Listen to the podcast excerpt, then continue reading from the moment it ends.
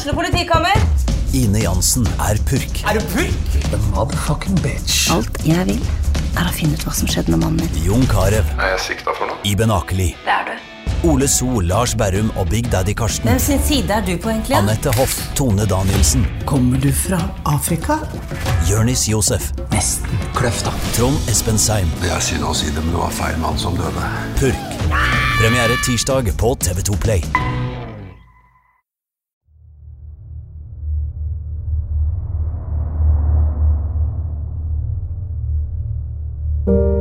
Dette er fjerde og siste episode i podkasten Tønsbergs holocaust. Krigen ender i en bunker. Det er 30. april 1945. Adolf Hitler setter pistolmunningen mot hodet og trekker av. Drømmen om et raserent Storgermania ligger i ruiner. Det samme gjør Europa. Tusenvis av liv har gått tapt på slagmarkene. Men da de allierte styrkene rykker inn i fangeleirene, blekner grusomhetene de nettopp har overlevd.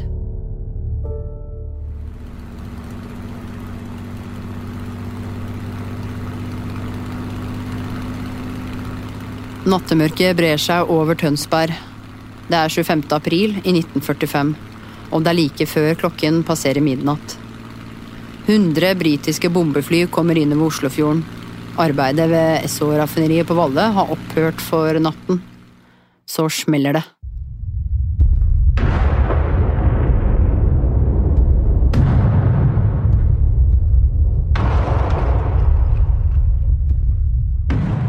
Ifølge britene produserte tyskerne ubåtdrivstoff ved raffineriet. Da solen står opp, ligger Vallø i ruiner. 53 sivile mister livet, og et ukjent antall tyske soldater blir drept. Britene jubler over aksjonen. Tønsberg gråter. Men sorgen som skyller innover byen vår, blir snart avbrutt av en berusende glede. jeden von uns mit höchstem Stolz erfüllt. Dieser Krieg ist ein Heldenepos des deutschen Volkes, wie es in der Geschichte aller Völker seinesgleichen nicht findet. Es liegt an uns, dafür zu sorgen, dass der Ehrenschild des deutschen Soldaten bis zuletzt unbefleckt und rein erhalten bleibt. Wir hoffen, dass wir es fortan mit Männern der anderen Seite zu tun haben, die Soldatenehre achten und erwarten vom norwegischen Volk, dass es dem deutschen Soldaten die Disziplin hält, die der deutsche Soldat allzeit den Norwegern gegenüber bewahrt hat. Soldaten, unverrückbar bleibt in uns die Liebe zu unserem deutschen Volk und der Glaube an seine Unvergänglichkeit. Her er Oslo med kveldsnyhetene. Vi har en gledelig melding. Blendingsbestemmelsene er opphevet med øyeblikkelig virkning. Oslo. Der Wehrmachtsbefehlshaber Norwegen, general der Gebirgstruppe Bøhme, har rettet følgende dagsbefaling til de tyske troppene. Soldater i Norge. Den tyske riksutenriksminister Graf Schwerin von Krossig har erklært betingelsesløs kapitulasjon for alle kjempende tyske tropper. Jeg vet at dette budskapet rammer dere hardt. Ubeseiret, i full besittelse av vår kraft, står vi i Norge. Motstanderen har ikke våget å angripe oss. Og likevel må vi bøye oss for vår motstanders diktat, for hele den tyske saks skyld. Vi håper at vi på den andre siden vil få med menn å gjøre som akter soldatære. Vi venter at den norske befolkningen viser den samme disiplin som den tyske soldat har vist overfor nordmenn i Norge.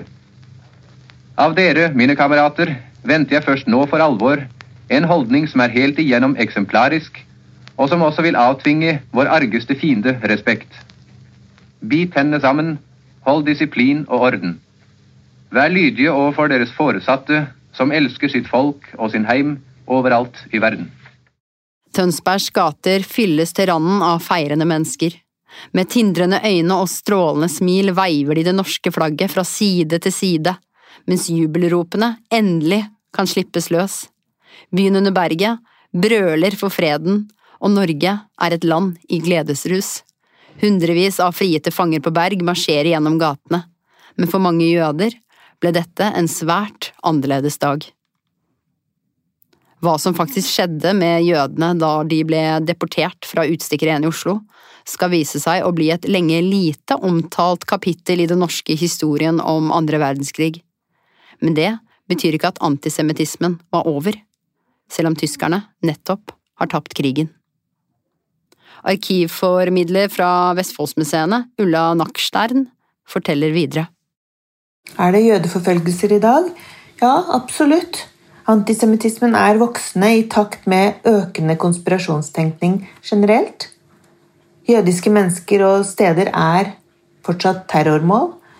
Jøde er et av de vanligste ordene brukt som skjellsord i norske skolegårder i dag. Forskning forteller om det, og ungdom jeg selv snakker med i ulike prosjekter, sier det samme.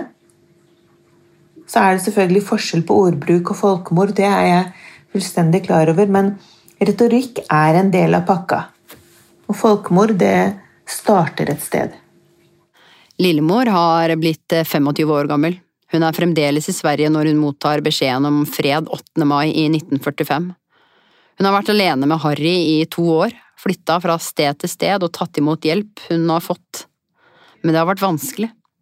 Nå pakker hun en koffert, tar Harry med til bestemoren og setter kursen mot Norge. Det har blitt juni, men før den tid har hun postet et nokså krast brev til ektemannen, som har dratt videre fra London til Bergen for å administrere tyske etterlatenskaper på Vestlandet. Han sender av gårde en flybillett til Lillemor. Og vi er tilbake på Fornebu i Oslo. Harry ser ned på skrivebordet. Han røsker fram noen papirer fra lærtasken han har liggende på stuebordet, og leser fra brevet moren sendte til faren hans, Willy. Du reiser deg temmelig glad og fornøyd av gårde den gangen for to år siden da du ikke visste om eller når du skulle se meg igjen. Så jeg kan ikke begripe hvorfor det er så om å gjøre nå, når du likevel får se meg om en måned eller to. Jeg har, som sagt, ting å utrette. Skal enda skaffe noen ting til Harry, og forhåpentlig noe til huset vårt. Og alt det kan man kalle patriotisme, mens kanskje jeg tviler på at det var så mange som 50% som mente noe med det. Dere forlot oss og et liv dere ikke orket å leve, og kalte det patriotisme, og gjorde krav på å bli betraktet som helter. Nå vil en del av oss ikke springe efter dere så fort dere finner det for godt, og vinke på oss eller sende flybilletter. Fedrelandet trenger oss, nå er det vår tur til å være patrioter. Er det mannens privilegium å sjonglere med fedreland og fedrelandskjærlighet som det passer ham? Har ikke kvinnen også rett til det? Og så sendte hun billettene tilbake til far. Når Willy mottar brevet, blir han helt fra seg. Han skjønner at ekteskapet er i ferd med å ryke. Lillemor bestemmer seg likevel for å besøke ektemannen i juni, men først drar hun innom Tønsberg for å finne igjen eiendelene som ble stjålet og solgt på aksjon etter deportasjonen av jødene i høsten 1942. Og i februar 1943. Det gjelder særlig et maleri av vestfoldskunstneren Sigurd Eriksen, forteller Harry. Det maleriet hang i mine besteforeldres, mine mors, min mors foreldres hjem, og ble stjålet under krigen da de Eh, alt ble jo røvet, som de hadde. Og min mor fortalte om da hun fant det igjen i 1945. I juni kom hun tilbake og ble hun og hennes bror ble geleidet rundt omkring i Tønsberg til steder hvor de visste at det var stjålne ting. Ja. Og i et lager hvor de hadde samlet ting som de visste var stjålet, så eh, sa mor så det helt, helt, helt bakerst, langt, langt borte. Det bildet kjente hun. Hun var ganske ung, så det er jo ikke sikkert at du som tenåring husker alle ting du hadde hjemme, men det husket hun iallfall at hadde hengt hjemme. Eh, og så sa jeg hvordan kan du bevise at det eh, var hos dere? Ja, se på baksiden, sa hun. Min bror Charles som også var i Tønsberg tilfeldigvis akkurat da for å finne ting. Eh, han skrev CK, Charles Cochlin, på baksiden av alt mulig som de hadde som ung gutt. Og på baksiden av det står det da nesten ikke leselig lenger CK. Så ikke bare på den, men alt de hadde av møbler. Eh, eh, det var ikke så mye som var igjen, eh, men alt sto det CK på. Tilbake i hjembyen finner også eldstebroren Charles og lillemor igjen kommoden som sto i gangen i Grønvolls gate 7. Den fant de hos naboen, som hadde lite å stille opp med da bokstavene CK for Charles Cochlin kom til syne da de dro den ut fra veggen.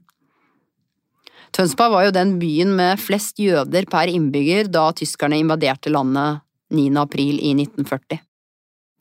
Men når tyskerne overgir seg i mai 1945, er det ingen igjen. I klasserommene er det færre stoler og færre elever. De jødiske hjemmene som norske NS-medlemmer tok over etter deportasjonen i 42, er ribbet for verdier, og mye ble solgt på auksjon.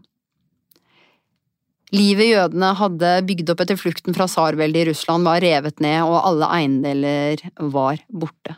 Fremmede mennesker bodde i husene deres, alt av eiendom, verdisaker, personlige eiendeler og kontanter var enten beslaglagt, ødelagt eller stjålet.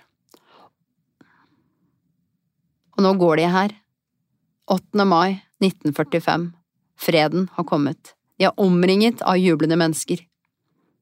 Men inniblant disse går det også noen som ikke kan føle på noe annet enn sorg. For glemme, det kan de ikke. Og etter krigen blir det opprettet et eh, tilbakeføringskontor i Tønsberg, der eh, sorenskriver Hagemann får i oppgave å kartlegge eiendelene til de som ble arrestert, drept, eller de som flykta. Men erstatningene til de gjenlevende familiemedlemmene som lillemor Gitel og Charles var små i forhold til verdien av det likvidasjonsstyret beslagla. Thomas Nilsen forteller videre. Den som fikk i oppgaven å forvalte de jødiske boene i Tønsberg, var eh, advokat Kåre Stang, som da leda det som het eh, likvidasjonsstyret i byen. Han eh, hadde vært medlem av Nasjonal Samling siden 1933 og stått i partiet også gjennom slutten av 1930-tallet, da partiet gjorde en mer sånn antisemittisk dreining og ble mer eh, nasjonalsosialistisk, da, lik nasjonalsosialisten i Tyskland. Han eh, gjorde en grundig jobb i sitt arbeid med å forvalte disse boene. Fikk inn det som var av verdipapirer, eh, ja, eiendeler, løsøre osv. Og, og, og gjorde et grundig arbeid. Eh, dette gjorde han også da i samarbeid med andre sentrale ledende skikkelser i Nasjonal Samling i Tønsberg, der flere også hadde roller på Bergen turneringsleir. Så mange av de navnene som eh, går igjen på Berg, går også igjen i hans eh, sine dokumenter. Det var mange på Berg som bl.a. sikret seg en del av de eiendelene som ble igjen etter de jødiske boene, og som overtok leiligheter osv. Kåre Stang, ja, hva visste han om uh, jødenes skjebne? Så han hadde i hvert fall ikke noe sterkt ønske om at de skulle være en del av bybildet.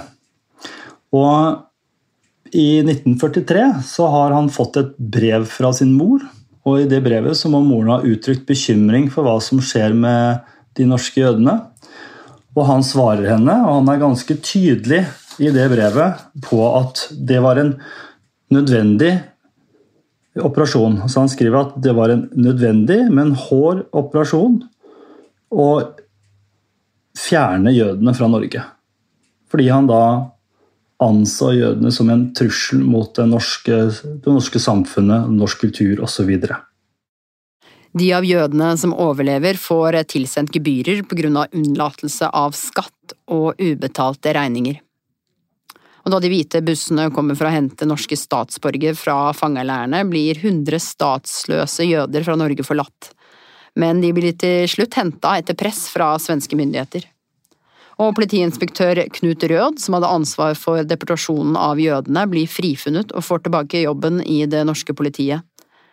Hans medvirkning til forfølgelse og drap på jøder ser ut til å bli tillatt mindre vekt en innsats i motstandskampen og vitnemål fra ledende Milorg-medlemmer. Nå er vi tilbake på Berg interneringsleir, et halvt år etter at tyskerne tapte krigen. Støttroppen til den norske motstandsbevegelsen Milorg har tatt kontroll over Berg, og som nå blir brukt som en fangeleir for de arresterte medlemmene av partiet NS, frontkjempere, krigsprofitører og andre landsforrædere. Eh, etter krigen så ble det jo laget en liste da over fangevokternes oppførsel. Og det var tidligere eh, jødiske fanger som hadde sittet på berg, som laget denne listen. Og da ble fangevokterne klassifisert i fire kategorier. Det var særlig aggressive, mindre aggressive, noenlunde god oppførsel og bra oppførsel upåklagelig. En strek under tallet fire markerte sadistisk opptreden mot fangene. 25 havnet i kategorien særlig aggressive, og 18 av dem igjen hadde utvist sadisme i sin behandling av fangene.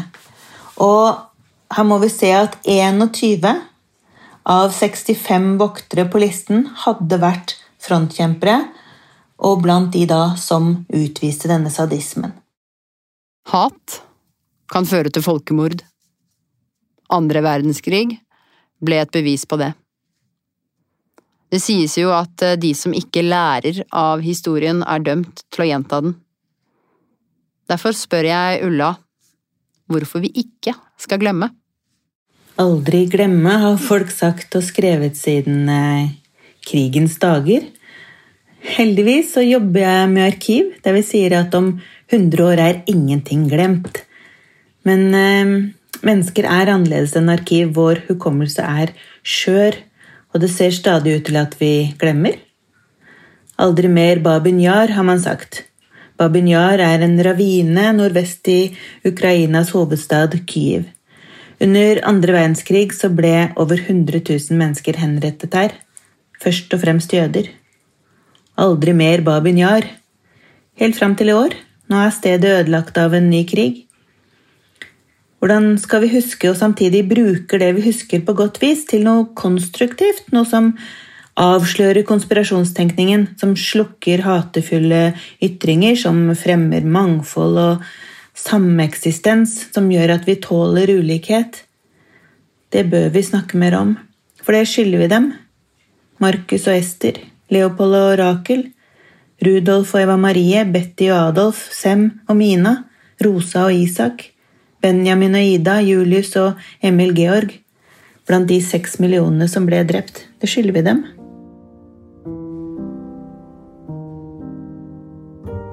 Sorgen og smerten fra den tiden vil vi helst glemme. Men de lærdommene krigen ga, de må vi bevare. Ellers blir det som hendte for meningsløst. Ordene tilhører Ruth Cochlin. Det har gått 14 år siden krigens dager var talte. Men for Ruth ligger de fremdeles friskt i minnet. Brødrene hun aldri vil møte igjen. De betryggende ordene fra moren hun aldri mer får høre, eller gjenklangen fra huset da faren siterte Ibsen eller Wergeland på gebrokket norsk. Ruth Cochlin finner etter hvert tilbake til ektemannen sin Willy Rubenstein. De bosetter seg i Oslo, der Harry Rødner vokser opp. Da faren til Harry dør i en alder av 66 år i 1977, kan moren Ruth endelig puste ut. Alle opplevelsene, gode som dårlige, alle erfaringene under krigens dager og den bunnløse sorgen kommer skyldende over henne.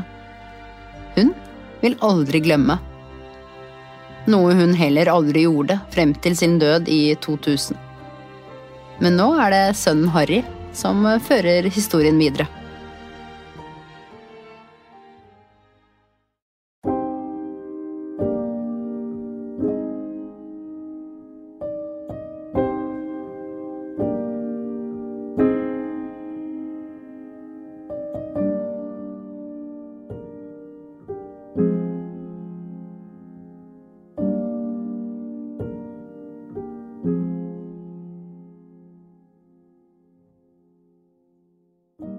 Du har nå hørt ferdig siste episode av eh, podkasten Tønsbergs holocaust. Familiene som forsvant, kommer ikke tilbake til Tønsberg. I Vestfold har byene blitt en minoritet fattigere. Den eneste jøden som vender hjemover igjen, er kjøpmannen Herman Saknovic fra Larvik. I alt ble 773 jøder deportert fra Norge under andre verdenskrig. Og de som kalte Tønsberg for deres hjem, er enten døde, fremdeles på flukt, eller forsvunnet. De få som eh, overlever, bosetter seg andre steder. Og byen vår, Tønsberg, blir aldri den samme igjen. Denne episoden er laget av Janni Elena Widsten Evensen. Ansvarlig redaktør er eh, Sigmund Skydland. Klipp og etterarbeid er lagd av Felix Hernes i Moderne Media. Historiske lydklipp er hentet fra NRKs eh, arkiver. Og musikken du har hørt, er laget av Mikael Vignola og ANBR.